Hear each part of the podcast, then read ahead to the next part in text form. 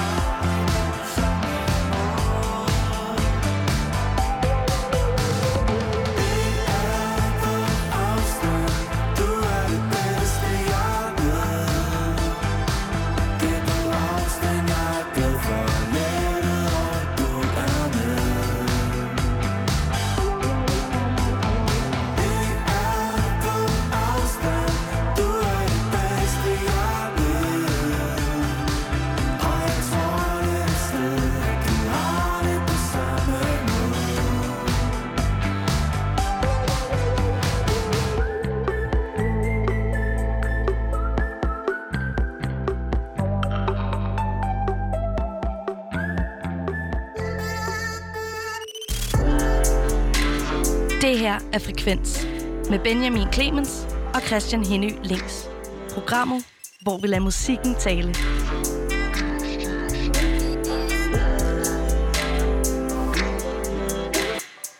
Og lige her efter nyhederne, der fik du altså Jav, som øh, har lavet et nummer, der hedder Et andet liv. Og Christian, hvad er det, man skal gøre, hvis man godt kan lide lav? Jav, jav, jav. Ja, Ja. der skal man for det første lytte til vores podcast fra den 14. oktober, hvor vi interviewer de to, altså det her tidligere kærestepar, som Ja. nu er en duo.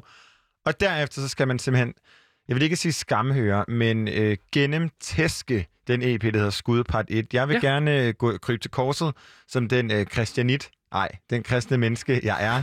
Jeg er ikke christianit, desværre. Gid jeg var. Men øh, som det kristne menneske, jeg er, og øh, simpelthen erklærer, at jeg har hørt Skudpart 1 konstant på repeat de her fem numre Okay. i uh, de sidste to dage, at det er virkelig, virkelig sjældent, og selv ikke Lady Gaga eller Ariana Grande har formået at gøre det længe. Okay, vildt nok. Men at lave en helt uh, samlet udgivelse, selvfølgelig nemmere, når der er fem numre, end når der er 12, Jo, jo. men uh, hvor at der ikke er et af eneste numre, hvor jeg er sådan, åh, jeg skipper lige den her.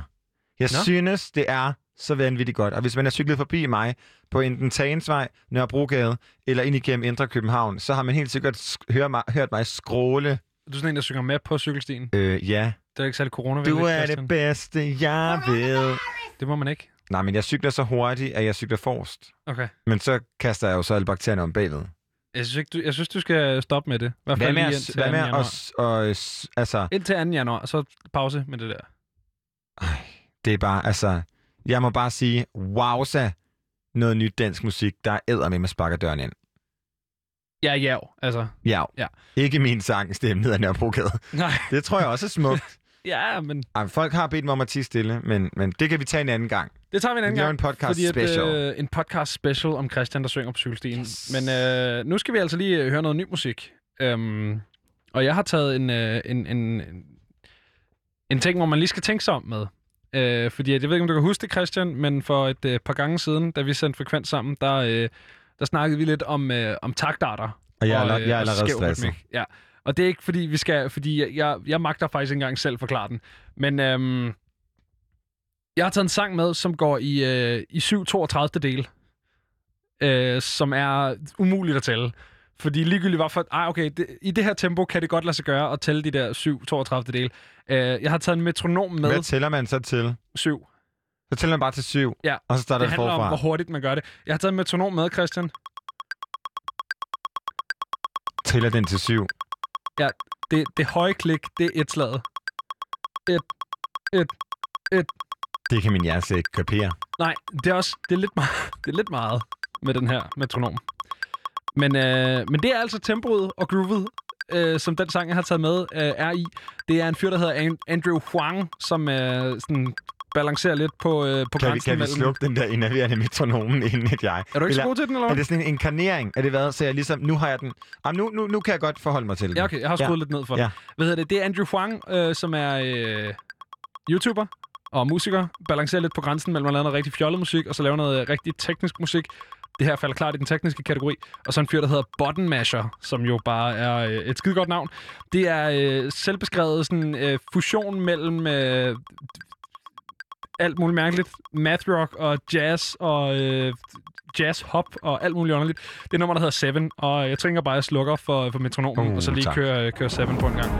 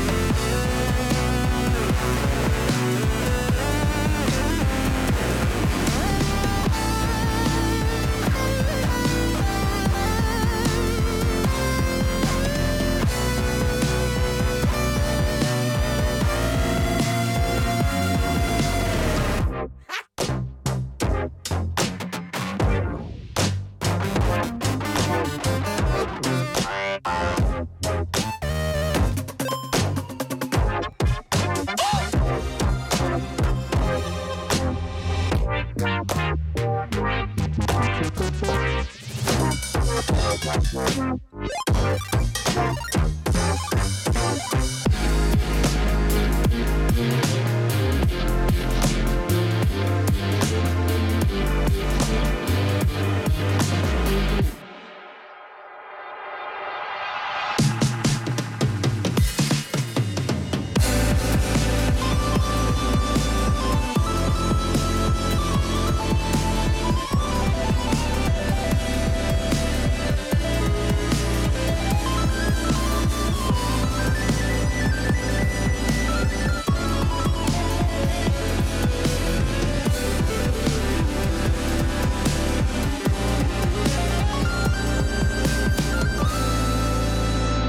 Det var altså Seven fra øh, Andrew Huang og Button Masher, og øh, det er altså et nummer, der har taget lidt over et år at færdiggøre det her, Christian. Så, øh, så har vi lagt, øh, ligesom lagt fra kaj, ikke? Ja, og jeg tror aldrig, jeg kommer til at forstå det der med at tælle i andre takter, fordi jeg synes måske godt i min meget simple hjerne, jeg kunne tælle til fire. Men, Men det, det kunne kunne jeg ikke. Nej. Nej, så jeg glæder mig til, at øh, jeg engang får børn, og jeg så skal præsentere dem for det her musik, så kan jeg sige, jamen, det var min gode ven Benjamin Clemens, som, som sagde, at de skal lære det her. Jeg forstår det ikke, så jeg håber, I kommer til Så her, prøv I. at forstå ja. øh, det lidt bedre end Jeg mig. vil sige, ikke? den her, den er fucking umulig at tælle, fordi det går for hurtigt.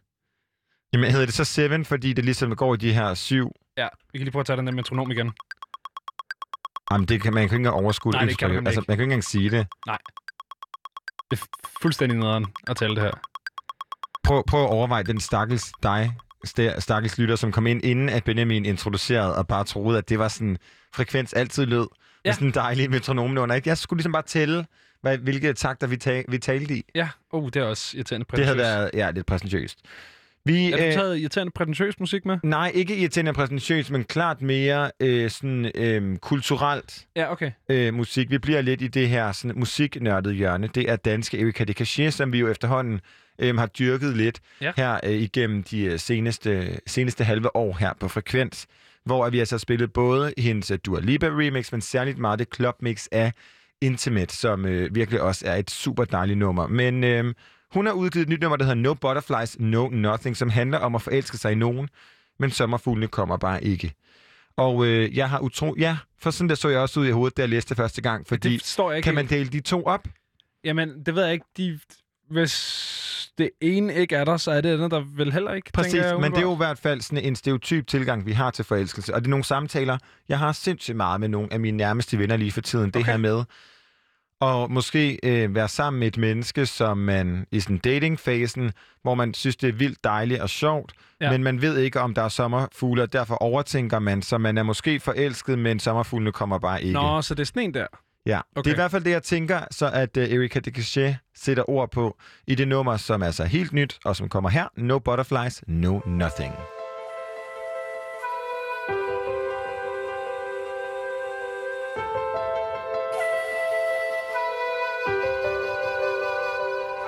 You told me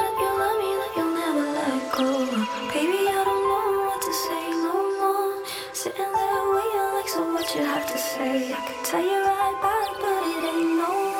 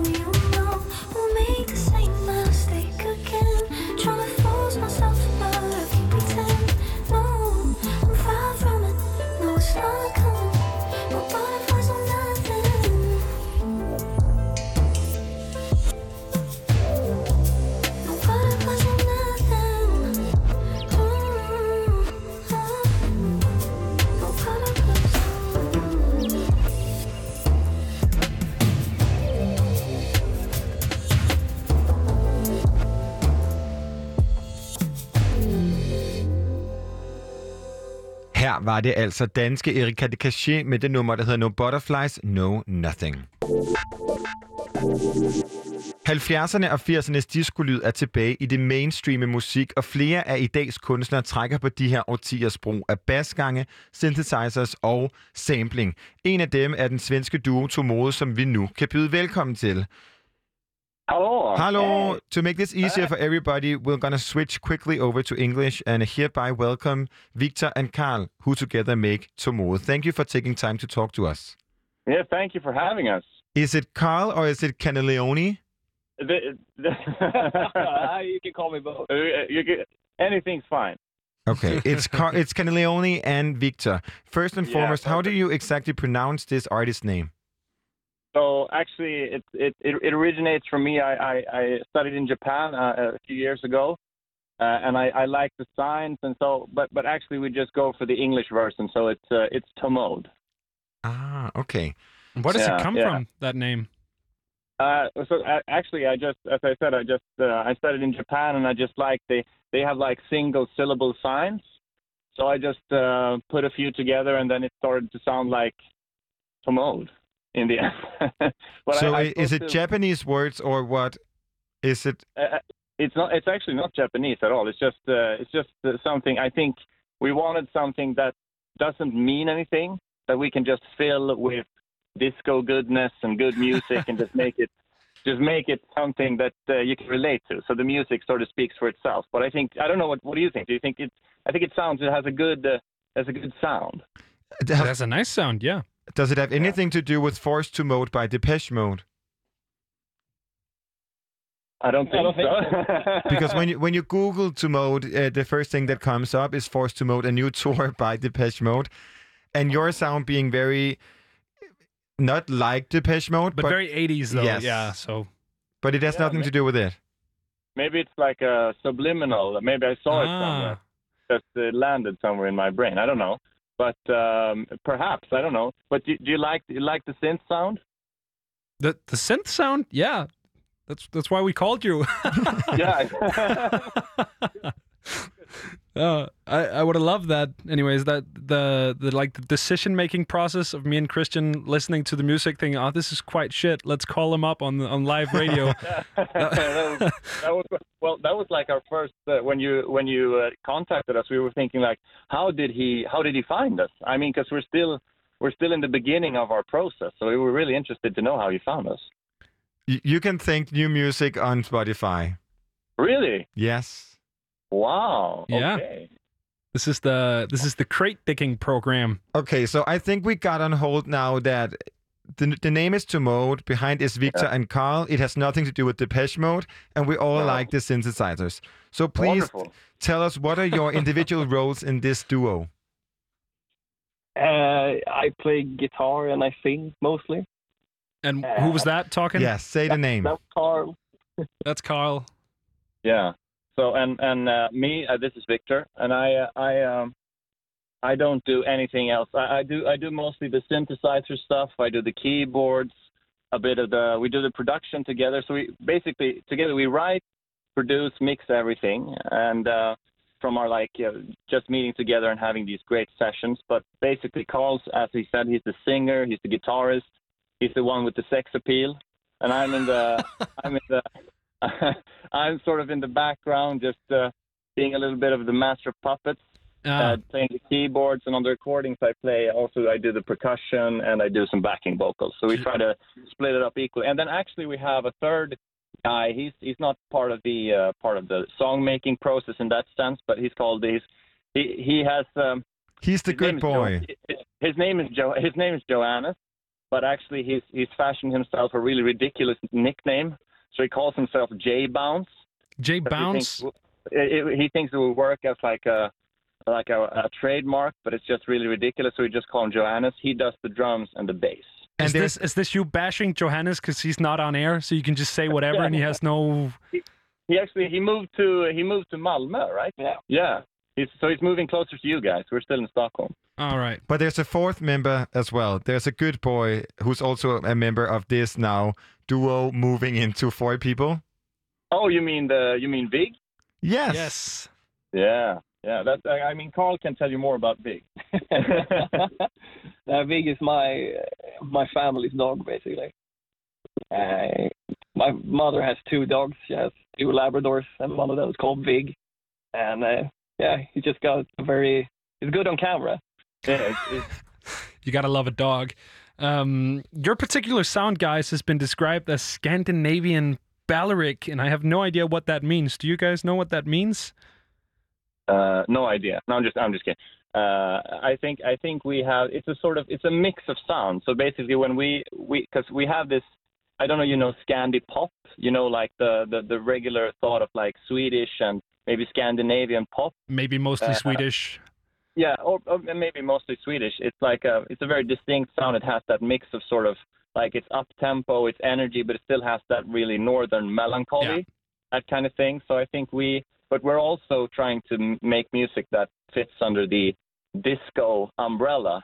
And uh, we, so we borrow from funk and we borrow from disco and we borrow from that 80s sort of like synthesizer music. And then it all becomes so Balearic, as I understand, just like island music basically. It's a lot of different styles matched together. So we thought for our our sound is Scandinavian, it's Scandic, but it's Okay. still it has this mix of sounds. So that I think that's what what why we uh, named it Scandinavian Balearic, and also because it sounds really cool.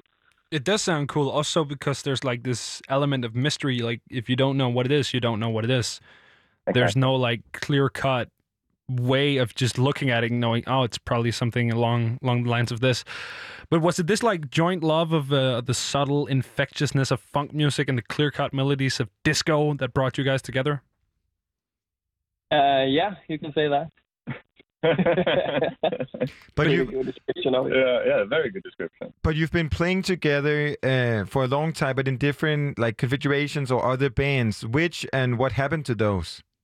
Actually, uh, it started uh, well. Well, we went to uh, like grade school together, and uh, but we weren't in the same class. So I just, I basically Carl had a really cool big band uh, that they, they played on like the school fairs and the school concerts, and they were like a big band. They had like uh, uh, trumpet, saxophone, drummers, percussionists, guitarists, singers, everything. It was like a really big band, and I was a bit of a fanboy to begin with. I just I, I thought they were so cool. Uh, and then we kept kept sort of like went to the same schools, but we never played together. And then finally, I got a spot as the percussionist in the band, so I started playing bongos. And then I sort of, uh, in the end, it just ended up. Everyone left. They became doctors and stuff, and did grown-up stuff, and we just kept going to the studio. And then, uh, so You basically, kept playing bongos. uh, yeah, yeah, I keep playing bongos. That's my main main focus. But but in the end, it was just the two of us left. But were those projects also influenced by this like 70s and 9 and 80s disco? Yeah, yeah, they were. They So didn't really sound like we do today, but we tried to do. Yeah, it was more. I think it was more back in the day. It was more like the big band, very jammy, just long instrumental songs. Ah, Really trying to just build up energy, and we're trying now trying to sort of condense that into more like pop, pop songs that you can just play on the radio, basically. Yeah, because like that classic kind of funk mentality of just doing these long ass jam sessions don't really sell too good. Yeah, that's what that's what we want to do, and we play in like Christiania or something. That's more of a. It's a better better time for long funk jams. If we would come and play in Copenhagen, that would be better. Nice name drop. Yeah, right. Right? Yes, I'm proud of you guys. Yeah, yeah. that's, But that that's all. We sort of we brushed up on our Danish knowledge. well, that's all you really need to know about Denmark is Christiania. That's uh, Oh. that's that's good research. But with this Yeah. project, that's not the only thing you've tried to do. Like, is make it more pop friendly. You've also tried to like break with all this melancholy of of uh, of 2020. Have you uh, have you gone about that? well, I think uh, I think we started just. We've been kind of down, downtrodden in uh, this year. It's been boring. It's been gray. It's been no fun. And we're just thinking. For us, it's always been about like happy, happy music. Of course, the Swedish pop has a bit of melancholy to it, but for us, it's always been the 70s, the disco. That music is something. It's supposed to be enjoyed. It's supposed to be fun. It's supposed to make you feel good. And I think there's not enough music today. And I think Carl agrees with me that there's not enough music today that gives you that jolt of energy, that like uh, that um, the spirit, like that that kind of thing. So I think that's that's what we and then it sort of coincided because the, the name of our first song is Destiny Number Twenty, and that was the sort of we we went through so many versions of that song, being a disco track in different versions, but in the end we dropped it in 2020, and we thought it was a good time to sort of celebrate happy, danceable music, you know. And what better segue into uh, listening to the actual song? This is To Mode, Destiny number 20. I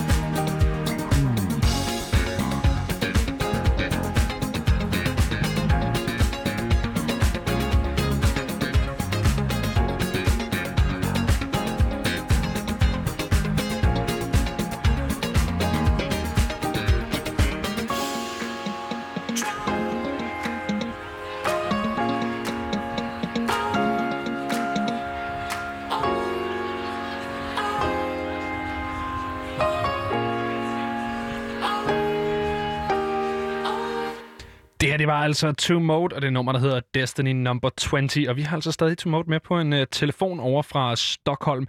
And guys, uh, Destiny number 20 that we just listened to is equal parts Good Times by Chic and equal parts Dancing on My Own by uh, by Robin. How'd you guys like hit that that balance of the the good old Scandinavian balleric that we talked about? Well, the, the basics of the song, I think, was the guitars to start with. Uh, the guitars and the piano, like the very chic basic stuff, and then with the synthesizers, we just threw in a lot of arpeggio arpeggiators because that's what we know that kids like.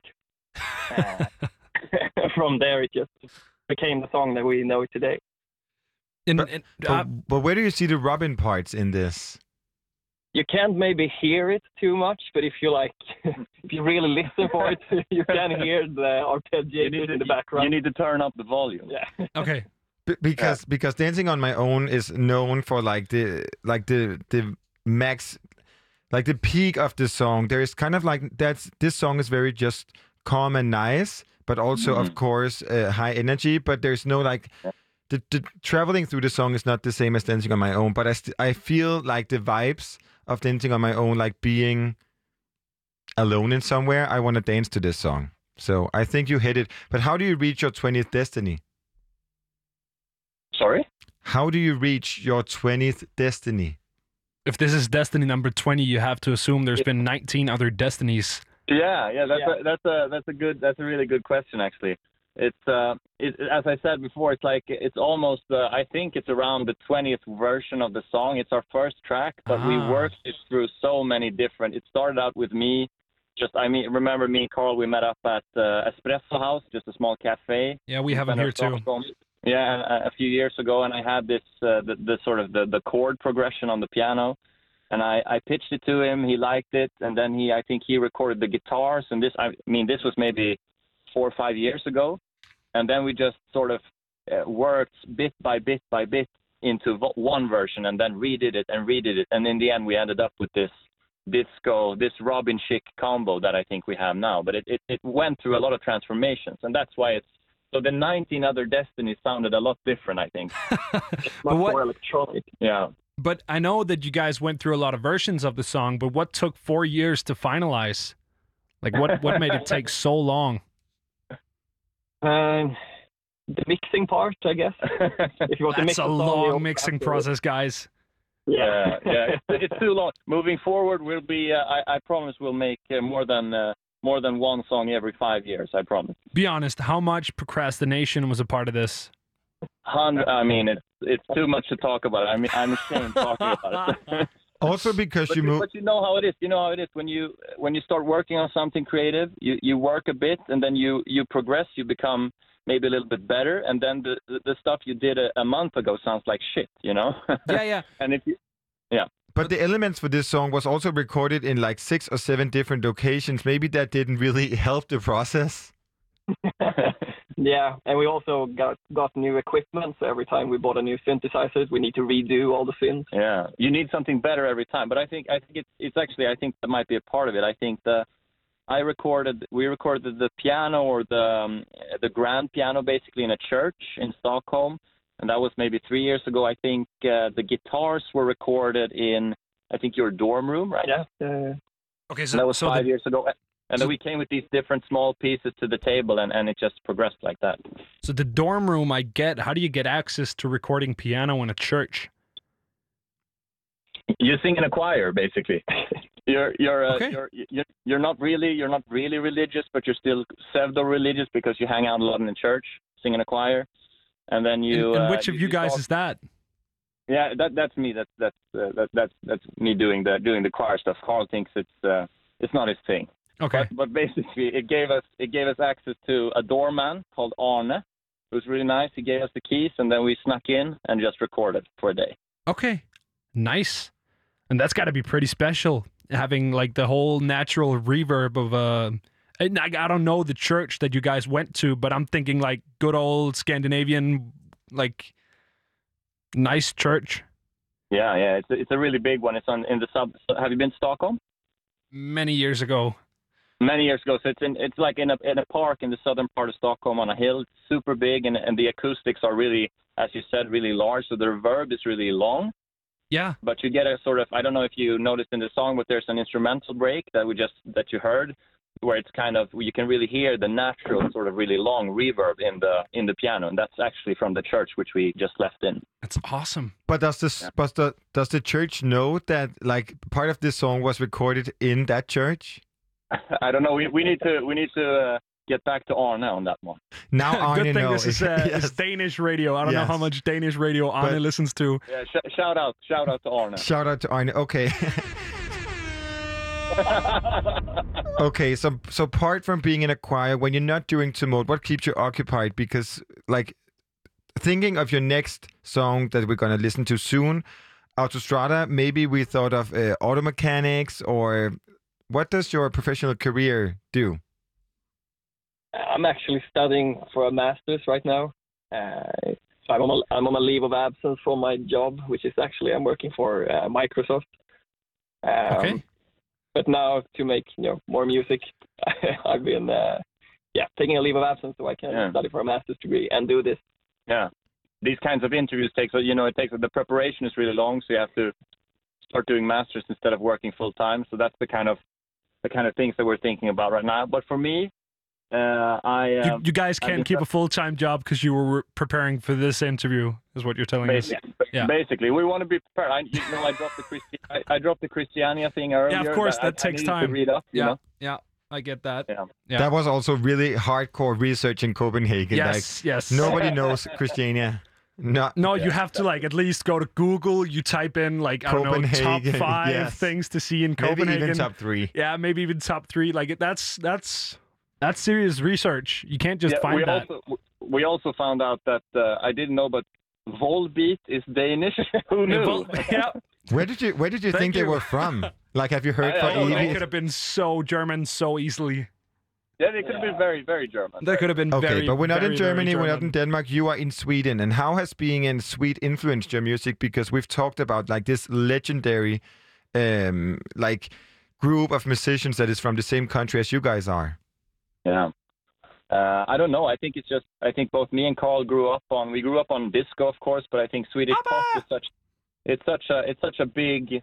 I mean, it's such a big influence on everything. That bit of melancholy, and I think that's that's part of the culture everywhere in Sweden in some way. I don't know if you recognize it when you hear the music, the Swedish music, but I, I think that sort of influenced us. And, and I mean, growing up on Swedish pop, you always get. I think it's it has this sort of piano heavy. I don't know if you know any Swedish the Swedish pop artists, but like Veronica Maggio, Oskar Lindros, those kinds of. They always have these kind of piano heavy songs, good We- chord progression. All Good- Yeah, everybody in all of Denmark that. knows Mondasbarn, maybe, maybe Yeah, besides yeah. Benjamin. But but but what as a, like you said, it's all something that we grew up with. Also, uh, uh, the the people in Denmark. How did what inspired you to bring this into like this new decade? Because you've only um, debuted with music in 2020.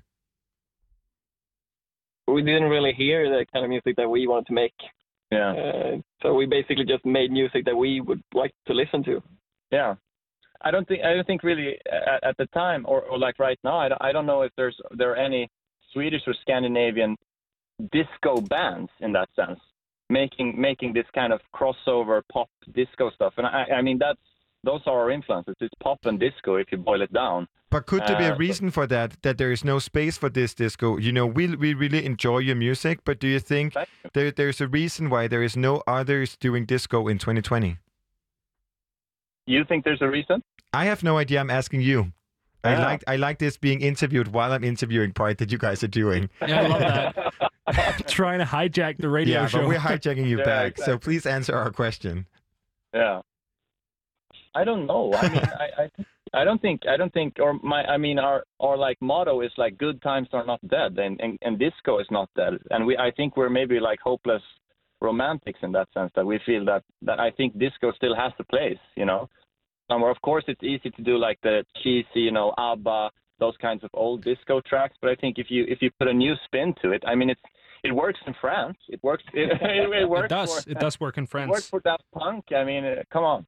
There's also like if you look at uh, kind of a broader Scandinavian picture, you guys also, if you, I mean, at least listen to the the next song, your your second song that we're going to listen to in just a second, uh, Autostrada. Uh, if you listen to that, there's a lot of like these Norwegian space disco vibes. If you guys know like names like Torteria and and Lindström course. and and these kinds of people, so it's not like the movement is completely died out. And uh, yeah, I, I mean, talking about that, let's just uh, give the new single a listen, and we'll keep talking on the other side, guys. Wonderful.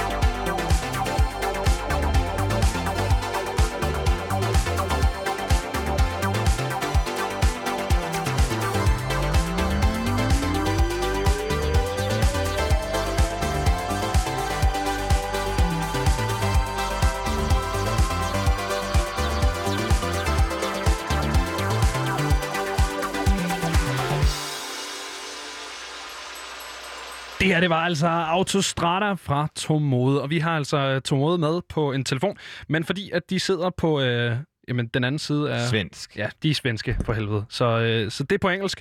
Tomorrow, this is uh, this is your second single that we just uh, that we just listened to, and, Yeah. and I, I mean we could talk a lot about what this track sounds like it's being influenced by. Like this is could we could mention Giorgio Moroder, we could mention Tartaria again, uh, but but what, what was the actual inspiration? Like, what did you guys think about when you went in the studio with this track?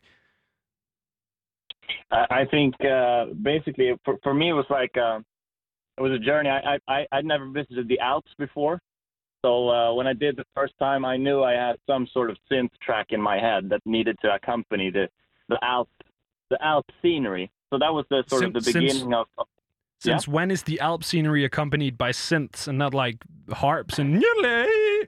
I, I don't. I yeah, it should be more. Maybe it should be more. But you have the cowbell. You know, we have actually we have do have two the instruments that, yes. that that might be more Swiss. Actually, it's a a, hor- uh, a horse whip is in the song and the Uh, cowbell. A what? Sorry. you know- you know the the shaker thing, the the, the Yeah. quick shaker things. Yeah, that's a that's a shaker mixed with a whip. Okay. Like a real whip or something you Googled and Yeah, it's a downloaded? real whip. We have it here in the studio. Yeah, Carl, Nice. Carl brought it from home. You gotta have a whip in the studio. Carl I mean, brought it from sound- home. Oh Excuse yeah, me. okay. Let's talk completely about missed that. What? This is, guys. Carl, is he the one with the sex appeal? I just need to like to know Just if need to make, like, are the these together or connections. not. Sure, what did you say? It just got together? who who was the keyboard player with the sex appeal, and was he the guy who brought the whip from home? That's all I want to know.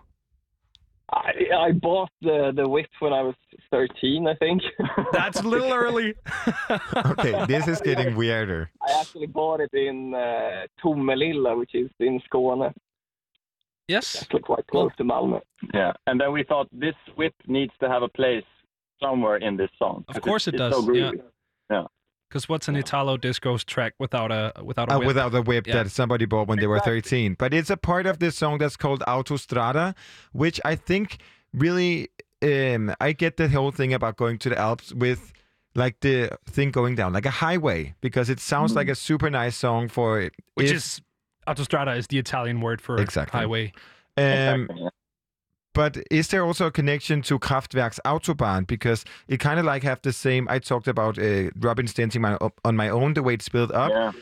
Uh, Autostrada has kind of like the, the same build up as Kraftwerk's Autobahn. Is there any similarities in those, or am I just assuming, Grasping at straws. grasping at straws? Yeah, maybe. I don't know. I think I think it might be one of those subliminal things again. Because I, I w- when I when we came up with the name, I don't think we thought about that one. For me, it was just you know being in vacation in Italy and looking at the the Alps and just seeing just going down, just seeing Autostrada. I thought the name was such a it was such a cool name for a song, and that whole you know the whole night drive genre. But but Autobahn. When now that you say it, I mean it's it's it's obvious that it's uh, like an homage to Autobahn, even though it wasn't in the beginning. But I think I think we it was one guy who who commented on when we uh, when we released the song. He was like, "Yes, this reminds me extremely a lot of Autobahn," and we said, "Okay, yeah, it's probably it has something to do with it, but uh, not not when we wrote it actually." Maybe that's just what happens when you name a track highway.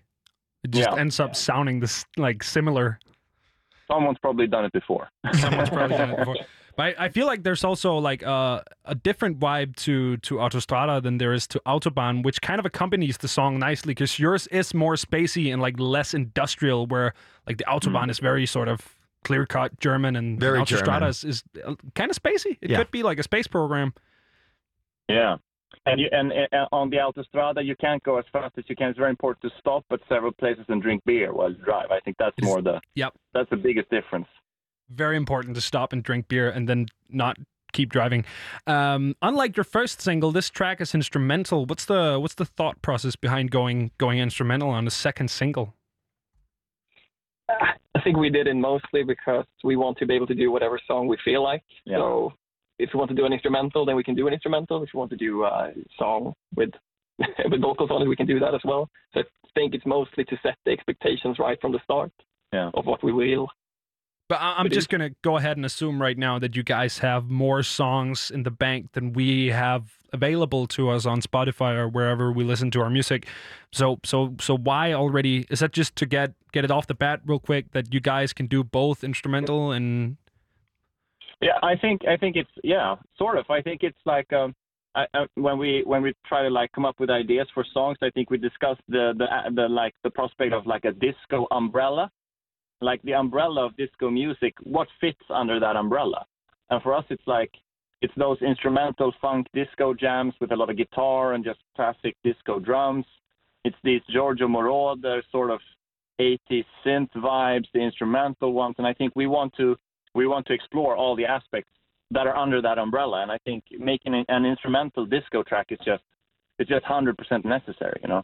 So it's not like you're not limiting yourself to like one branch of what disco music can be perceived as like do you have a favorite or is there like some clear cut way that we're going to see from you guys in the future or is it just a a mix match and of uh of, of different disco things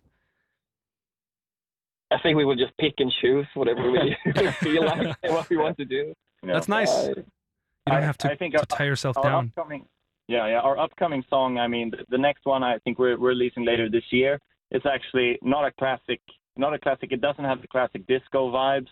It has more of a more of a pop thing but okay. but it, it I, I think some somewhere in you'll you'll find the same because we're we're sort of like thinking how do we how do we we want the EP to be four songs but we want them to sound completely different but still the same. Do you know what I mean? It's Yeah. it's a it's a- it's a tall task but you know you want to um, we want people to to hear our music and instantly know that it's us you know but that's such a such a hard Yeah, because hard way to do it But how are you going to make sure that people like who maybe listens to Destiny number 20 and Autostrada within like a, a different space of different songs are going to know, yes, this is a Tomode song.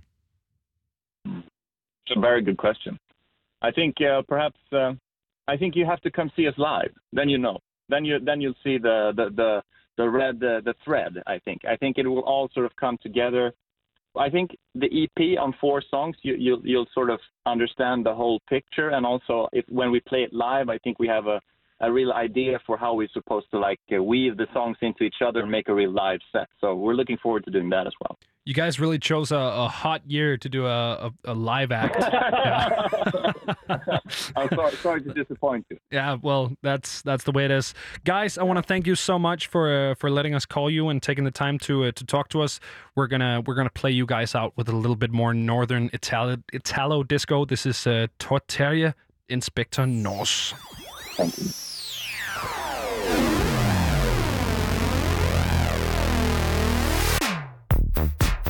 Der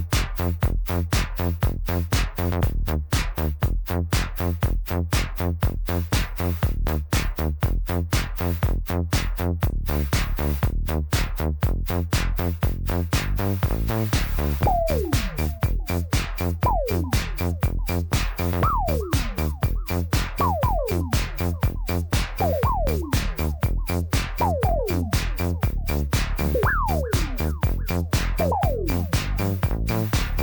ikke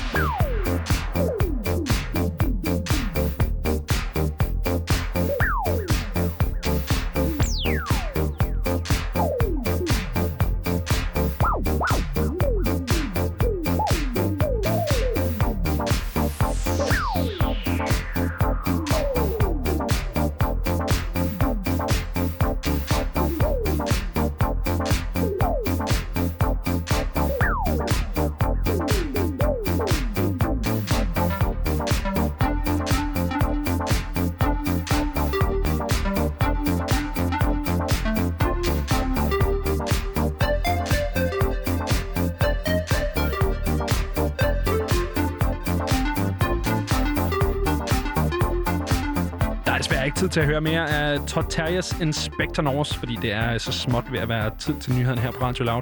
Bliv endelig hængende, fordi vi har øh, endnu mere øh, skandinavisk musik til dig på den anden side, hvor vi skal snakke med norske Musti.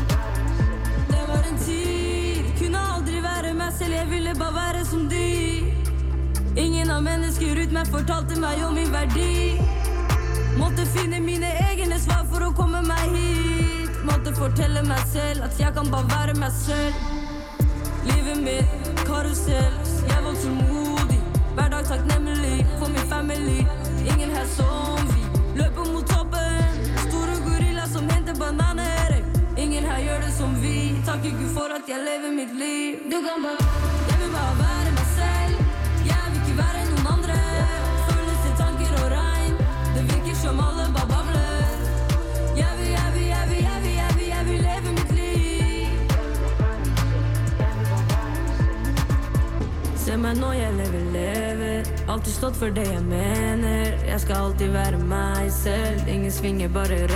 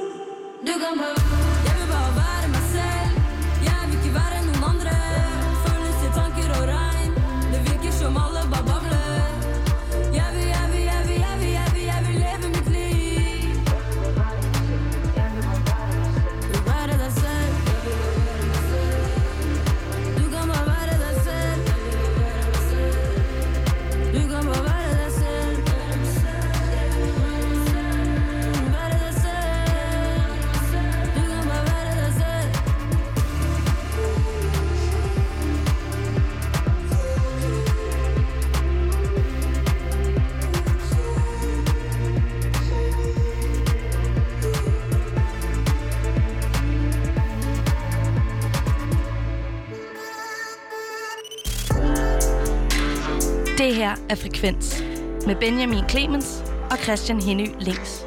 Programmet, hvor vi lader musikken tale.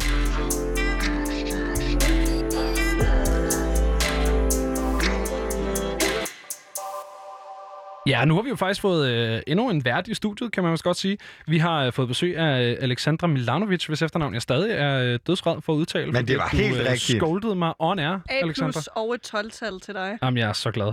Hvad hedder det? Vi har fået dig i studiet, fordi du er... Du er øh, for det første er du vært på øh, dit eget program, her på øh, Radio Loud, som hedder Pitten, Som er Vega-produceret. som er Vega-produceret. Øh, og for det andet, så er du jo øh, en af... Faktisk nok måske den musikvært, ret sikkert nok den musikvært, vi har her øh, på kanalen, som er mest norgeagtig. Absolut. Ja. Hvorfor er det, du er så norgeagtig, Alexandra? Jamen, øh, jeg begyndte øh, gennem teenageårene at få masser af internetvenner, som øh, heldigvis Gode befandt gamle. sig øh, i Norge. Og så har jeg besøgt folk i Norge, og så har jeg bare fået et kæmpe netværk derovre, så Ja. det er simpelthen derfor. Og der er lige, også øh, skide dejligt i Norge, ja, og lige om lidt, øh, så skal vi jo tale med endnu en norsk artist, nemlig Musti. som vi hørte her efter nyhederne jo. Præcis, Ja. ja. med det nummer, der hedder Mig selv. Ja. Og øh, Alexandra, for ligesom lige at få dig til at føle dig ekstra velkommen, imens at vi får fat på Musti, så har du fået lov til at vælge et øh, Musti-nummer. Jamen, det har jeg.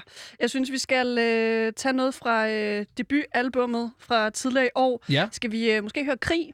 Krig? Jamen, øh, Hvorfor har du valgt den? Måske fordi den er lidt personlig, sådan noget med at øh, døje med at arbejde med øh, ens indre dæmoner. Jamen, det synes jeg er, en, en skide god grund. Her kommer altså Musti Krig, og så har vi øh, forhåbentlig fat i Musti på den anden side.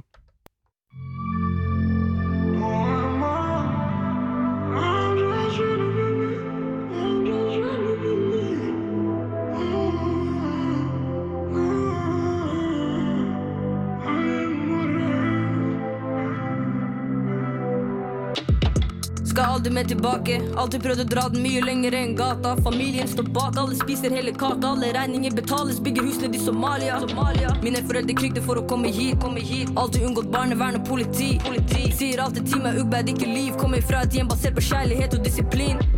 Jeg er en leder. Jeg har det fra min bestefar, bror sin borgermester. Ser alltid tilbake på hva jeg gjorde i fjor. Og mens jeg takker Gud for alt, planlegger jeg neste semester. Ingen her som tenker som jeg gjør. Ingen her som kriger til de blør. Ingen her som vet noen ting om meg, så jeg tenker det er på tide å fortelle før jeg dør. Ah igjen. Alltid drømt om dette, kanskje siden jeg var fem. Boka under puta fylt med bars og en penn alltid gitt mitt alt. Nå får jeg endre noe igjen. Mentaliteten sterkere enn noen gang. Kjære til min mamma og min pappa, mann. Kjære til den blokka, for den skapte meg. Rest in peace, min fetter Adam, for jeg savner han.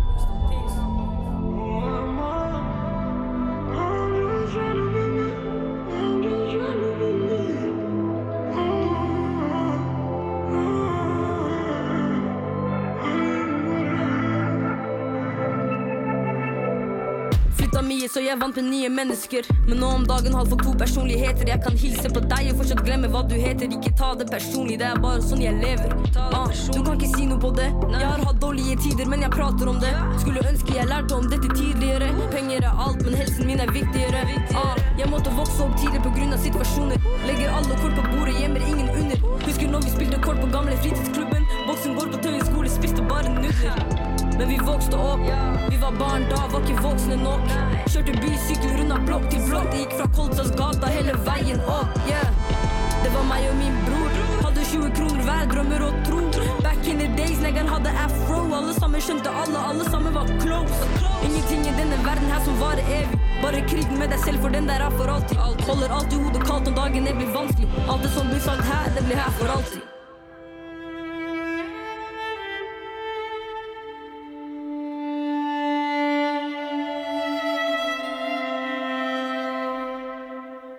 Det her, det var altså krig fra, øh, fra Musti, som du havde valgt, Alexandra. Vi prøver stadig lige at få fat på Musti. Men, øh, men det er jo i Norge. Vi, skal- vi skal ringe hele vejen over til Norge, så der er lige lidt, øh, lidt knas på linjen. Og det er jo en af Norges mest spændende stemmer, så man kunne også forestille sig, at det var en travl dame, vi prøver at få fat på. Det absolut, kunne man... absolut. Så vi giver den lige et nummer mere. Ja, Nu har du valgt et, Benjamin. Nu har jeg valgt et, og jeg har faktisk valgt det nummer, som faktisk er grunden til, at øh, vi skal snakke med hende. Du kendte til Musti, før vi gjorde, øh, Alexandra, men grunden til, at vi øh, kom på at ringe hende op, det var Yes. simpelthen, fordi jeg fandt det her nummer, som er hendes seneste udgivelse. Det er en, en single, og det hedder On The Low, og det er lidt en anden vibe, end vi lige hørte øh, i krig. Det er det lidt, øh, lidt mere sådan roligt, lidt mere smooth, øh, og det synes jeg er skide lækkert. Så øh, den tager vi lige, og så prøver vi at få fat på Musti igen.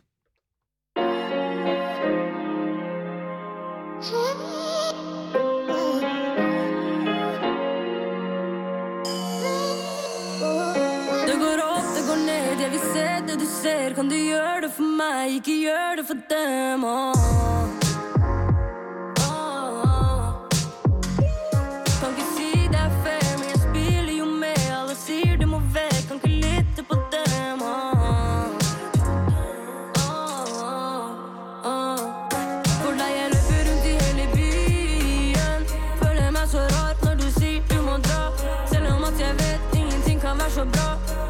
Får ikke fortsette med deg uansett hva alle sa. Vi kan ikke være venner hele tiden.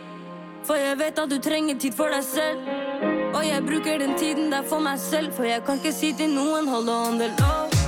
Jeg har nok kjærlighet for deg og meg. Når du er med meg, ingenting kan gå feil. Og vi trenger ikke prate. Baby, bare glem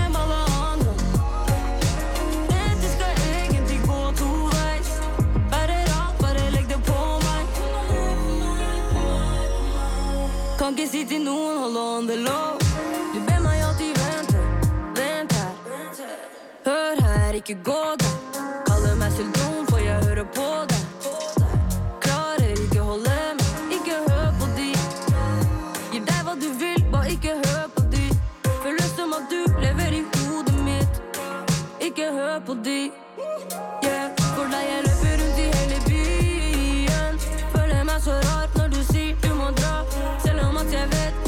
Kan være så bra. Får ikke fortsette med deg uansett hva alle sa. Vi kan ikke være venner hele tiden. For jeg vet at du trenger tid for deg selv. Og jeg bruker den tiden der for meg selv. For jeg kan ikke si til noen hold on the low.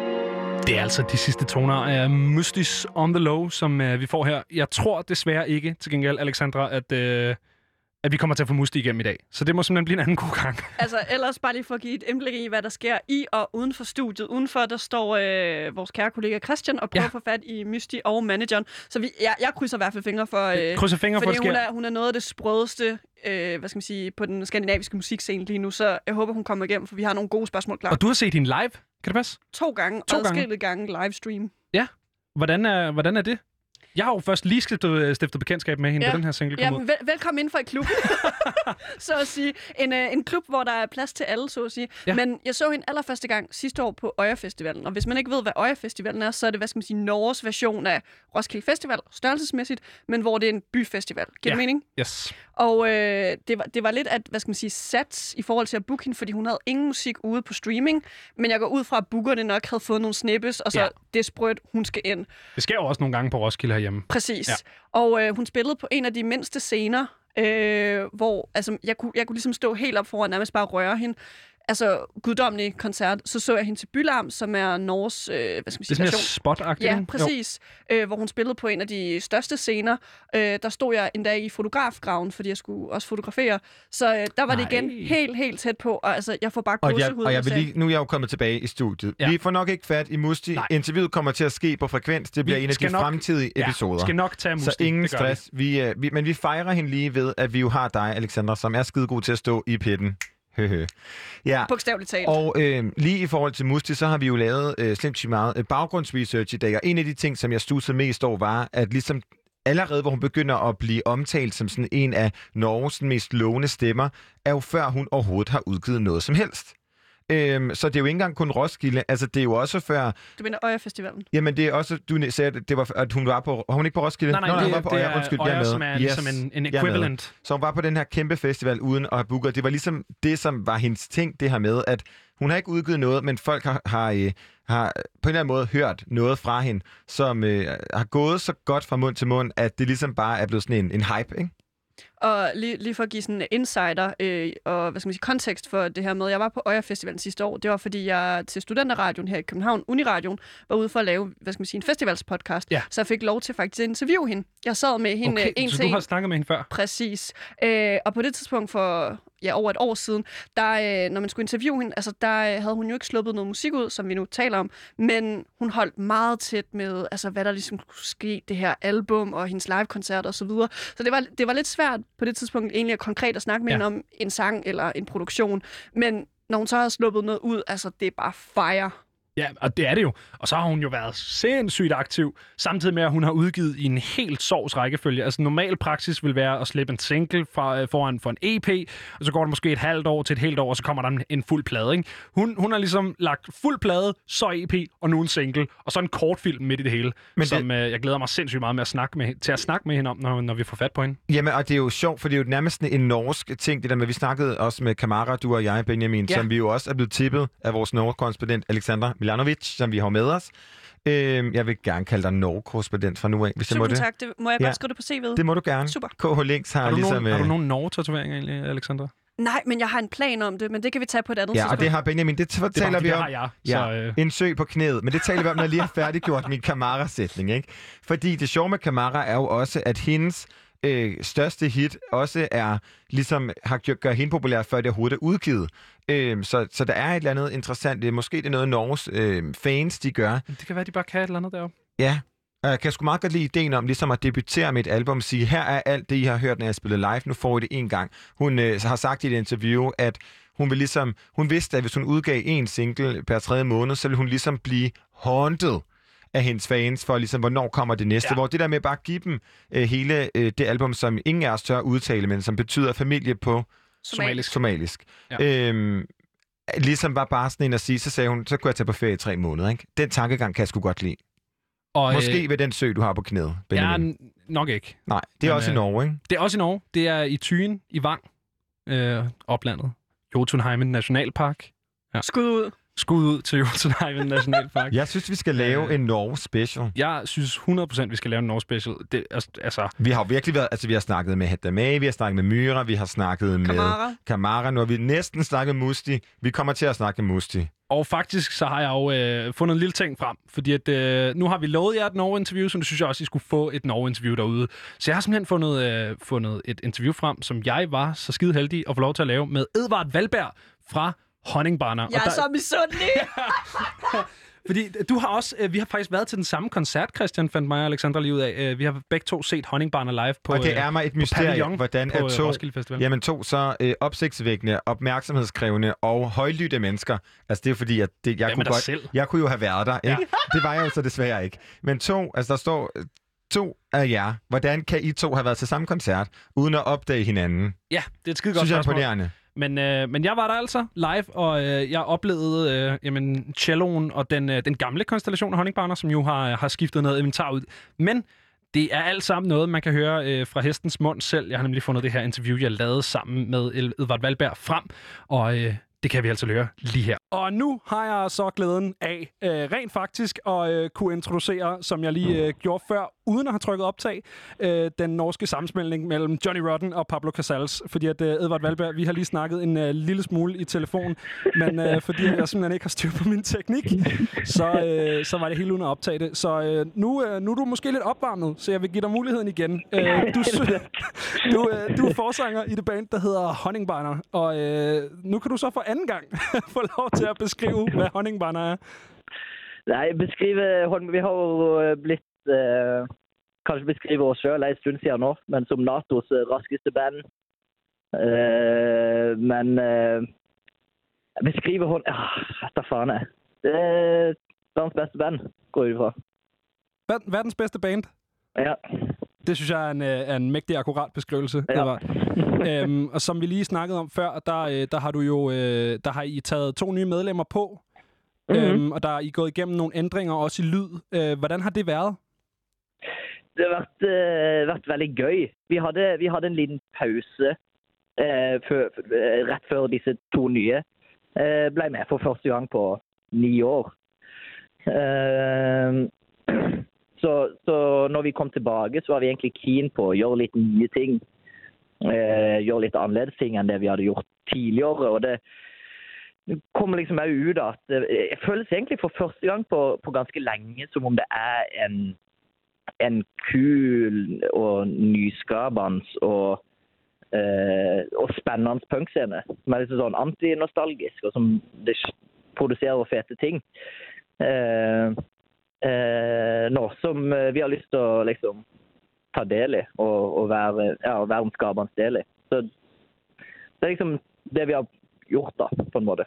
Så, øh, så for lige at opsummere for øh, vores lyttere, som måske ikke er så kyndige i det norske sprog, så er det altså det her med at, øh, at ikke hænge sig så meget i, hvordan punken har lyttet, men i stedet for at kigge lidt fremad og, og prøve at lave noget nyskabende musik. Mm. Og, øh, og Mm. det har jo så mundet ud i øh, den sang, som hedder En af os er idiot, som I har lavet, og som jeg har spillet, jeg ved ikke hvor mange gange øhm, på det her program. Jeg synes, der er noget virkelig spændende i, Edvard, at det er ret sjældent, at et band, som har været aktiv lige så længe, som Honningbarner har, at deres nyeste sang også er en af deres fedeste sange. Øhm, så vil du, ikke, vil du ikke snakke lidt om, hvordan det var, og altså, hvordan, hvordan skabte I En af os er idiot? Hvordan skabte I den sang? Ehm, nei, men, men det er egentlig interessant det du, det du, eh, det du snakker om der med, for at det har vært en ganske sånn eh, utvikling i, i, liksom, i soundet vårt, og hvor vi er nå kontra hvor vi, hvor vi har vært.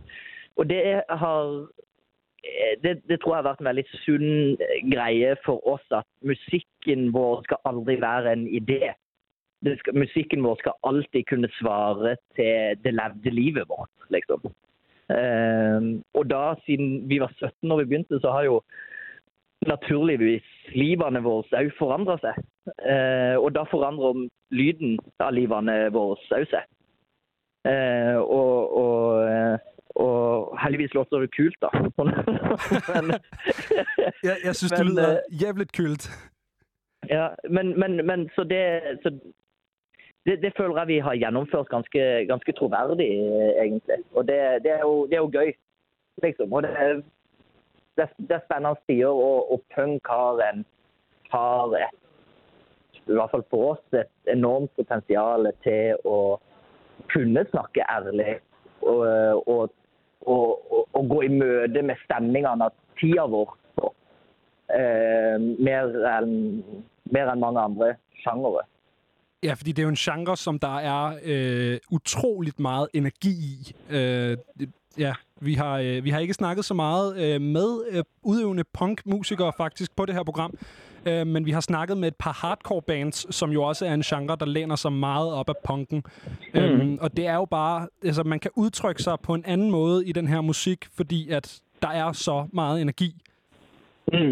Men, men for jeg tror det er liksom det, er- det er altså hvis, hvis man skal liksom eh, ta det på alvor, det med at man skal eh, lage musikk som, som tar tida si på alvor, og som er liksom et eller annet uttrykk for stemningene vi lever i her i verden, Ja. så, så kler liksom et, en kaotisk lyd kler en kaotisk verden, en, en voldelig lyd kler en, en voldelig verden, liksom. Ja. Eh, og, og det, det, det er punken i veldig i, i, i en privilegert posisjon til å, til å gjøre, liksom. Og det, og det ser vi han gjør nå i, i, i så mange fete punkbands, liksom. Ja, helt bestemt. Sy- Synes du, det er en kaotisk verden, vi lever i? Ja, fullstendig. Hvad, hvad synes du, der er kaotisk ved den? Livene våre eh, Altså Hverdagen er så full av, av informasjon og forvirring og, eh, og, og, og kaos at det er umulig å Eller så å si umulig å, å, å, eh, å gjøre mening ut av den. Og, og, og, og verden gir ikke mening akkurat nå, mindre enn han har gjort på, på veldig, veldig, veldig mange år, liksom. Er det også det, en af os er idiot handler om? Det her med, at verden ikke giver mening, og det her med, at man bliver nødt til at tolke verdenen på sin egen måde, som nogle gange kan skabe konflikter mellem mennesker? Mm. Blandt, blandt blant eh, annet, og, det, og ikke bare politisk, men eksistensielt, liksom. Eh, og hvordan, hvordan man skal kunne fungere eh, i verden på når, når man kan leve i to forskjellige, liksom. Eller ikke bare to, men milliarder av forskjellige verdener. Ja, fordi der er jo, øh, ja, alle må have deres egen ligesom, øh, udblik på, hvordan, øh, hvordan tingene fungerer, ikke? Mm. Hvad hedder det? Apropos den her sang, En af os er idiot, Edvard, så ligger der jo en video på jeres YouTube-kanal, hvor I spiller En af os er idiot 50 gange øh, for en person ad gangen. Øh, hvordan var det at, øh, at, at spille det samme nummer 50 gange i træk? Helt jævlig. Nei, for det var gøy, for at, eller når, når korona kom, da, så, øhm, så, så liksom fikk man tilbud om streamingtjenester og Nei, jeg mener sånn eh, livestream-konsert og, og, og flere sånn bordkonserter og alt sånt. Men det, det- vi, vi fant liksom ikke en, en måte å holde konsert på som eh, kunne svare til den integriteten av liksom, det, det vi holder på med. da. For at på vår konsert, Jeg vet ikke om du har vært på Honningbar-konsert før, men det er jo et jævla trøkk og kaos og crowd, ja, moshpits og crowdsurfing Ja. og liksom oppå hverandre. Jeg har, jeg har været Øh. til et par af jeres koncerter, og det kan jeg Åh, ja. nikke meget genkendende til, det der. Ja, ja, ja ikke sant?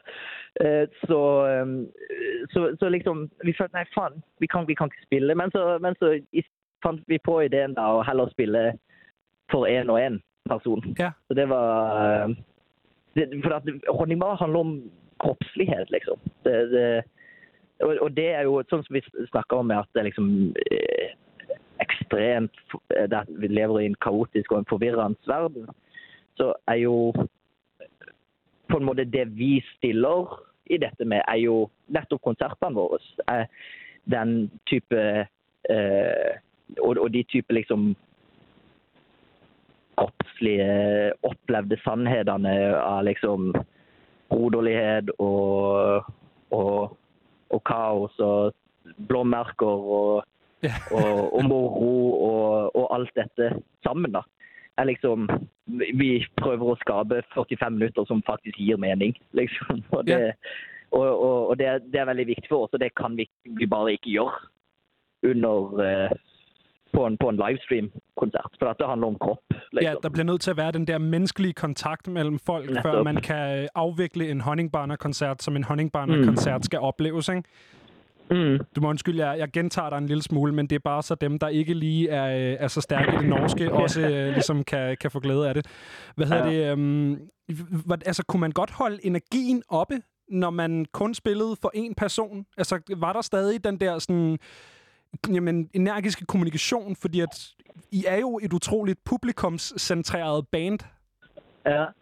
Ja, det, det, altså, det, det var jo ikke en vanlig kon koncert, på en måde. Det, var, det har jo været jævla ukomfortabelt å liksom hoppe inn i den der ene stakkars personen som, uh, som var der. Men, uh, men det var liksom et gøy eksperiment i utholdenhet, liksom. Det tok jo åtte timer. Otte timer? Mm. Hold nu kæft. Hvor, Ja, nei, så det fikk sånn nyvunnet respekt for Bruce Springsteen og gamle gutter som spiller eh, faen meg åtte timer hver dag omtrent. hvor, hvor ondt havde du i halsen, da I var færdige? Åh, det var... det var, det var vittig, for etter vi var ferdige, så var det liksom den, den klubben vi, vi, vi gjorde dette her på, Ja. hadde bestilt liksom champagne og liksom gjort klart et bord til oss. og, «Oi, Nå skal vi feire at vi er ferdige. Men det var bare så sånn der thousand yard stare-vib på, på alle. Så det ble, ble ingen feiring, for å si det sånn. Vi var helt kjørte. Der er et, øh, jeg, jeg, jeg har set den video mange gange, Edvard. Jeg, virkelig, jeg synes virkelig, den er sjov. Men der er sådan et, øh, sådan et klip af dig, efter I har spillet øh, sangen 40 gange, hvor du også bare ser fuldstændig blank ud. Altså, du, du er slet ikke... Bare det eneste, eneste, du har at sige, det er, jeg er så jævligt fucked.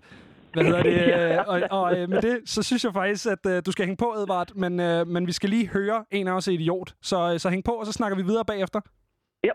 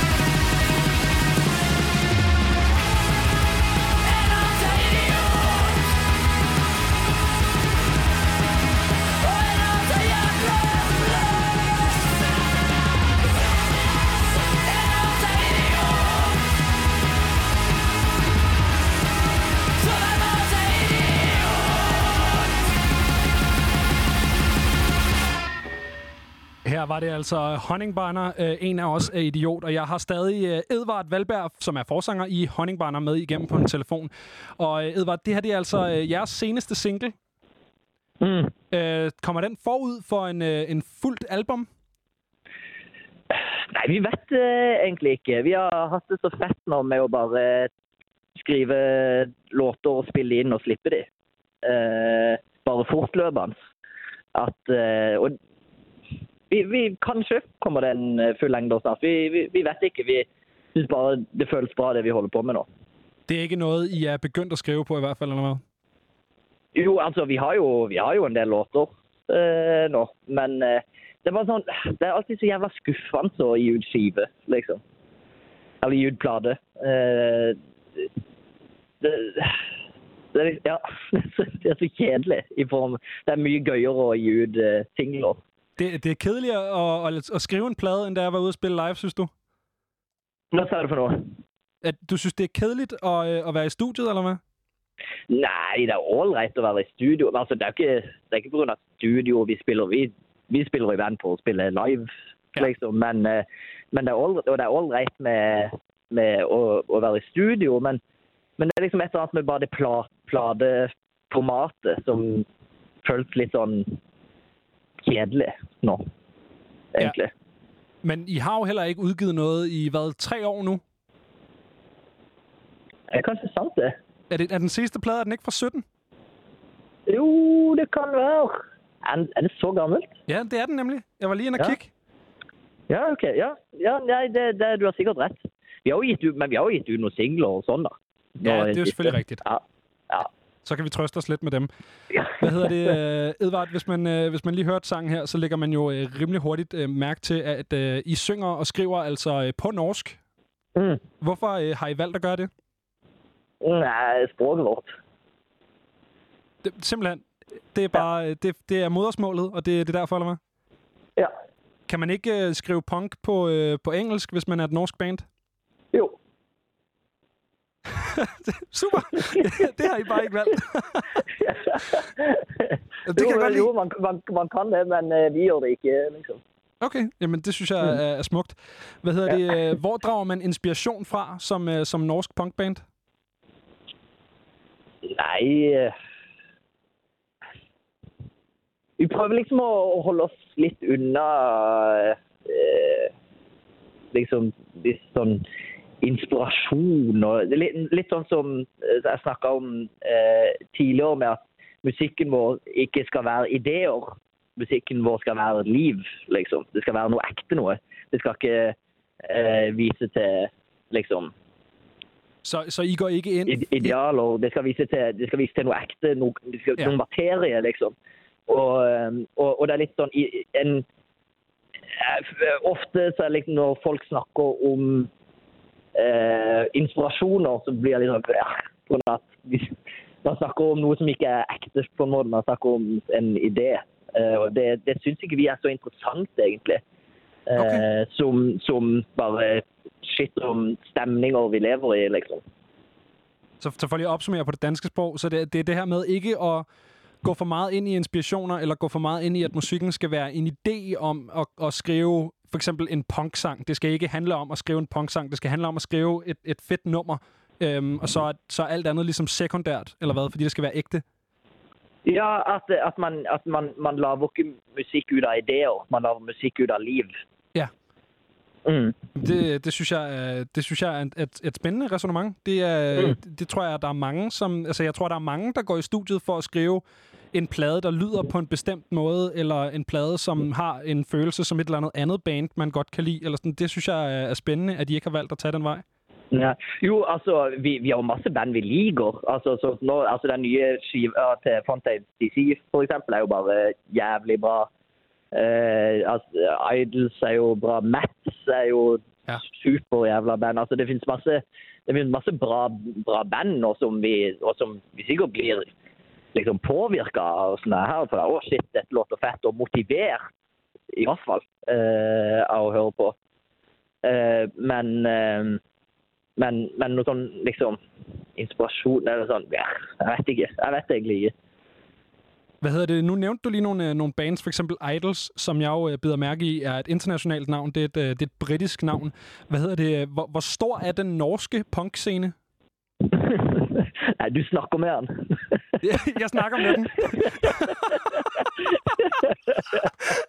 det er simpelthen, det er kun jer. Nei, det, det, det, er- er jo, det er jo flere punkband, men, eh, men det, er, altså, det er ikke noe det er ikke, det, er ikke, det er ikke et bra punkmiljø i, i Oslo, det er det ikke. Okay. Men at, uh, er, I, er I baseret i Oslo nu? Fordi at I kommer jo fra Kristiansand, det, er det korrekt? Mm. Ja. Mm. At, Eller, gør I nå, alle sammen nå det? er vi jo noen fra noen fra Kristiansand, og de to nye er fra, eh, eh, fra, fra Sverige. Så De er fra Sverige? ja, ja, ja. Okay. Mhm. Så det er simpelthen uh, Kalmar-unionen i et band? Er, det er nettopp det. Nej, hvor smukt. Hvad hedder det? Så mangler I jo bare en dansker. Ja, nei, det er jo nettopp det, da. Men eh, vi, får, vi får finne ut av noe neste gang. Ja, det er godt. Hvad hedder det? Øh, hvor langt omkring kan man, øh, kan man komme, når man, når man synger på norsk? Altså, hvor mange lande kan man ligesom tage til? Altså, det, man kan sige, det går rimelig godt for kvælertak, for eksempel. Mm. Ja, men man hører, jo- med kveldtak hører man jo ikke hva synger på norsk engang. Nej, det er jo selvfølgelig rigtigt. Nei, men, eh, men ja, igjen eh, jævla, jævla bra band. Men eh, Hvor langt Nei, altså Det er jo live, så tror jeg at man eh, så På en Honningbarn-konsert man, man trenger ikke å forstå ordrett hva jeg prater om, for å forstå hva vi mener. På en måte. Så det er altså det her... Altså, det, det, det, vi- det vi vil formidle, er jo dette kaoset, dette uforutsigbare, liksom eh, voldsomme, men gøye, liksom. Og, og, det, og den aggresjonen der, den, den, den, den kan man vise på andre måter enn med ord. Eh, så, så live så tror jeg, tror jeg det går fint, men, men sånn innspilt musikk, spesielt nå i tidene med liksom rundt Spotify og sånn, så er det helt faktisk umulig for oss å komme på ei, på ei engelsk eh, spilleliste av, av- noen av de Spotify-setterne pga. Okay. på norsk. Mm. Nå, det er, da, det er da meget sejt. Men, men som du siger her, bare lige for at, at gentage igen på dansk, hvad hedder det, det handler altså ikke nødvendigvis om, om ordret at forstå, hvad der foregår. Det handler om, om sådan følelsen og, og det, den her sådan mere følelsesmæssige og fysiske formidling af kaoset og den, den voldsomme, men, men sjove energi. Hvad hedder det? øh, Som jeg nævnte tidligere, Edvard, så har jeg jo haft fornøjelsen af at opleve Honningbarner live. Øh, Ikke en, men to gange faktisk. Øh, Og begge gange er, øh, er det nogle af de sådan, højeste, øh, mest energiske koncerter, øh, jeg ligesom har oplevet. Hvad, hvad har I af sådan, sådan backstage-ritualer, I, I har for at hype hinanden op og kunne få den her energi op? Eh, Er det bare ja, noget, I går vi, ind og altså, vi, leverer? vi, eller? har, vi, har litt, vi har litt ritualer. Vi, vi har det. Det er mye, mye oppvarming og, og mye å henge sammen og sånn, men Men eh, ja, det er liksom vi, Jeg vet ikke hva hemmeligheten er. Det bare at det, vi har det jævla gøy. liksom. Okay, det er simpelthen hemmeligheden, det er at have det sjovt sammen. Ja, og, og, altså, og det er det jo altså Når vi går på, så går vi på. Da er det for å blæste, liksom. Så det, det man, Ja, jeg vet ikke. Det er liksom det, det er veldig rart, men det er liksom et eller annet som skjer når man bare tar på seg kostymene. Eh, Ja, fordi I så- har, I har jo nogle outfits, I, øh, I spiller i, når I spiller. Mm. Hvad er det for noget? Nei, det er litt sånn eh, Sånn eh, Kall det litt sånn eh, matrosete, kanskje. Ja, sådan noget, Eh, hvor, hvor men, kommer øh, den men- idé fra? Hvor kommer matrostøjet fra? Nei, det, eller, det er jo ikke rent matros, da. Men, eh, Nei, men- men, det, men det litt. var bare jævla det, Jeg syns bare det er kult. Ser bra ut. Det så bare fedt ud. liksom.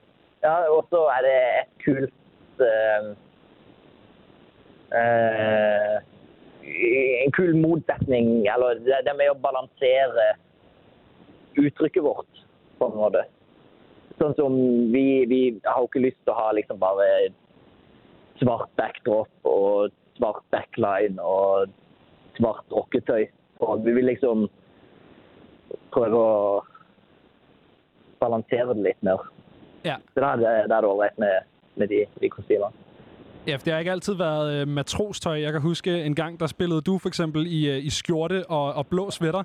Og Mm. øh, den gang, du gjorde det, det var øh, en af de gange, jeg oplevede jer. Det var øh, et spillested, der hedder Huset her i København. Og øh, der mindes jeg, at øh, du ikke havde din mikrofon igennem næsten halvdelen af koncerten, fordi den altså gik tabt i, øh, i moshpits og lignende. Hvad er det? Hvordan kommer man igennem en koncert som forsanger uden en mikrofon? Nei, eh, men, det, men det, er jo, det er jo sånn type ting som Honningbarkonserter handler om. Liksom. Og det er, ja, det er den, det, og det er jo den uforutsigbarheten der med at nei, der forsvant mikrofonen. Det er jo sånn det er jo den tingen vi vil dyrke. Sånn var det. Det er jo bare det, det er det vi vil gjøre. Og det er, for det er så gøy. Ja, det er, konserter er så jævlig kjedelige ofte. Ja, ikke på, når jeg går på konserter. Det er så sinnssykt kjedelig, for alt er bare så jævla profesjonell. Alt er så eh, planlagt og liksom øvd inn sånn der smisk man driver og sier fra scenen. Eh, som alt er liksom så kunstig. Det er liksom ingenting som lever. Og det vil vi på våre konserter. Eksempel at man mister mikken ja, halve, halve settet av at den bare forsvinner ut i publikum og dukker ikke opp igjen. liksom. Men ja, ja, det blir mindre vokal, men, men det er i hvert fall noe som skjer. liksom. Noe spennende, noe, noe, noe, ja, noe fullt av liv. Ja, fordi det gør jo ikke noget, at man ikke nødvendigvis kan høre dig hele tiden, fordi energien Nej. er den samme. Og du ja. er jo selv ude i moshpittet. Jeg kan huske, at det endte med at være sådan en stor samarbejdsøvelse for, for os publikum at prøve at få mikrofonen tilbage i dine hænder. Ja, ja, Og det endte med, at nogen fra publikum stod og råbte med på halvdelen af teksterne. Og sådan, det, det skaber jo bare en, en fælles oplevelse for publikum og band sammen, tænker jeg. Øh, som jo på en eller anden måde også formidler den, det her kaos og, og den her mm. Sådan, øh, jamen, tilfældighed, som, som I også er, øh, er meget for i Honningbarner. Mm. Hvad hedder det? Mm. Jeg kommer lige i tanke om, sådan, altså, når det nu hele jeres æstetik er meget, eller i hvert fald musisk er meget det her med jamen, kaos og, og tilfældighed, og det her med, at, at, at verden er underlig. Øhm, hvordan kommer man så til at hedde Honningbarner, som, så vidt jeg forstår, betyder honningbørnene? Ja. Nei, altså vi var Altså, når vi bestilte det, når, når, når vi bestemte det navnet, så var vi 17 år gamle og hadde aldri, trengt, hadde aldri tenkt at det her skulle bli noe i det hele tatt. Eh, Bandet men- startede, da I var 17, simpelthen? Ja. Okay, vildt nok. Ja, ja. Det er vildt, har Eh, holdt så har vi længe. holdt på i ti år, basically. Sejt. Nå, Mhm. Nå undskyld. Fortsæt endelig med, hvordan ja. I kom til at hedde Honningbarner. Eh, nei, og så Nei, og så bare det, det ble bare sånn, liksom. Ja, vi tenkte ikke ordentlig over det. Det var Det bare ble sånn. Man kan sige, det er jo, øh, det er jo blevet til en, en god live gimmick, fordi I har jo det her, hvor så råber I honning, og så råber publikum tilbage barner, og så er der igen den Ja. her sådan, samarbejdsting mellem Ja, band og men- publikum. Men, men, men for det er jo, sånn som du var inne på eh, eh, just nå tidligere, med dette, dette samarbeidet mellom, mellom scene og publikum, det har virkelig alltid eh, vært i kjernen av Honningbarna. Altså, sånn som eh, på, på konserter så er det vi er ute i publikum, og publikum spiller på, på våre instrumenter og synger i, i mikkene våre. Vi lager sånn som vok vokalene på, på, på låtene er liksom lagd for at publikum skal kunne synge Ja. eh, med å ta del i, i en Honningbarnkonsert. Ikke bare som, som publikummer, men vi vil, og, og, vi, og vi må sørge for at på hver konsert så har hver ene publikum eh, en definisjonsmakt over hva denne konserten skal være. Det, det er liksom ikke vi står og spiller musikk for publikum. Det er at vi sammen eh, skaper den happeningen. da. Ja. Eh, som, som er at alle har helt konkret eh, et kreativt eh, eierskap til, til konserten. Eh, og og det, det er veldig viktig for oss. Ja, det skaber også et andet udtryk. Uh, vi skal høre en sang om lidt, som I har, uh, har lavet, der hedder Fri Palæstina. Og hvis man går uh, på YouTube og finder uh, den video fra, uh, fra Roskilde Festival i 15, hvor I spiller uh, Fri. Ja. Palæstina, så kan man faktisk ja. se mig op på scenen lige bag ved dig, øh, hvor at der endte jo med, at halvdelen af publikum blev revet op på scenen, og der står et Ja, kæmpe ja. crowd deroppe. Så det det er jo den der sådan... Altså, en Honningbrænder-koncert er meget det her samarbejde mellem jer mm. og publikummet, og, og man føler sig virkelig man føler sig set på en anden måde som publikum, fordi at det hele er, der er ikke rigtig nogen, den der magtstruktur. Det er ikke sådan Mm. en øh, sådan en skolebænk, hvor I er lærerne, og vi er eleverne. Det hele er bare sådan en stor. Mm. pærevælling, ikke? Mm. Hvad hedder det? Når det er sagt, øh, Edvard, så synger du jo ikke kun i Honningbarner. Du spiller også cello. Ja. Ja, og det var jo så også grunden til, at jeg sammenlignede dig med Pablo Casals tidligere. Ja. Hvad hedder det? øh, Hvordan opstod din kobling mellem det at spille cello og så øh, punkmusikken? Nei, altså eh, Sånn som Altså, det, det er ingen i verden som spiller strykeinstrument som har villet det sjøl. Det, er- det er foreldre som kommer hjem med, med strykeinstrument. Og som, Ah, det er tvinger, og som tvinger deg til å øve. Eh, så, eh, så, så det var bare sånn. Nei, det er liksom jeg Pappa kom hjem med en cello, så måtte jeg spille på den. liksom. Det er fordi, det var Og det, du så- havde. Ja. Eh, og så og så jeg, jeg, var, hørte egentlig bare på hiphop når jeg var, når jeg Ok. var kid. Eh, og opp til liksom starten av ungdoms, eh, ungdomstida mi. Men så eh, så, så dukka, dukka det opp et sånn Eller ikke dukka opp, men jeg eh, fant Eller eh, ble gjort klar over et, et norsk punkband som heter Kjøtt. Eh, og som mm, jeg bare syns var så gøy, liksom. Ja. Eh, virker så eh, Ja. tross alt var- hadde en sånn enorm kapasitet for moro. Eh, som som, er, som var vanskelig å ikke bare bli trukket til, liksom. Du siger det. Så så det, var- det var sånn. Og også når vi begynte å Når vi traff hverandre på videregående, eh, meg og guttene, Ja. så, så, så gjorde man jo Vi var musikkinteressert, for vi gikk på musikklinja. Og vi gjorde det 17 år gamle gutter som er interessert i musikk, gjør. Vi begynte, begynte å spille i band sammen, liksom, som kamerater. Og, og da liksom tar man det man har. Og jeg spilte cello, liksom. Så ja, da ble det det.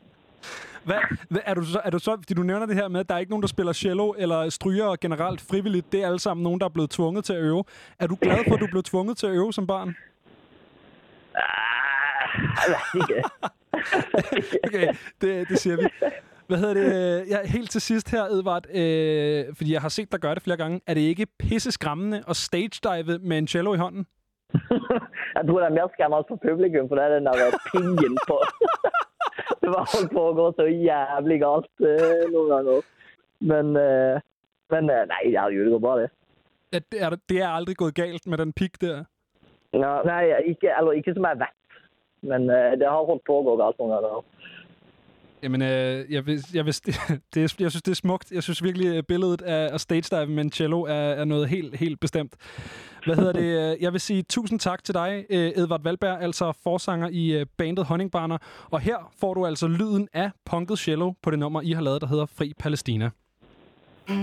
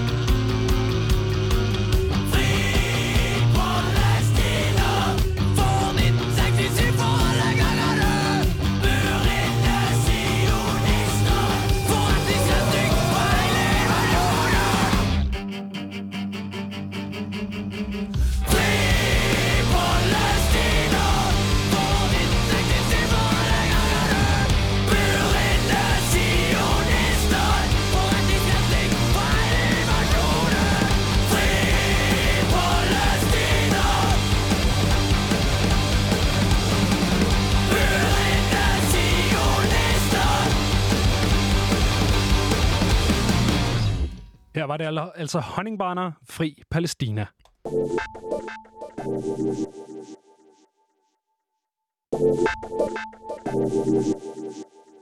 Og med det, der er det altså blevet tid til at sige tak for i aften her fra Frekvens. Mit navn det er Benjamin Clemens, og jeg har haft fornøjelsen af at stå i studiet med Christian Henø Længs.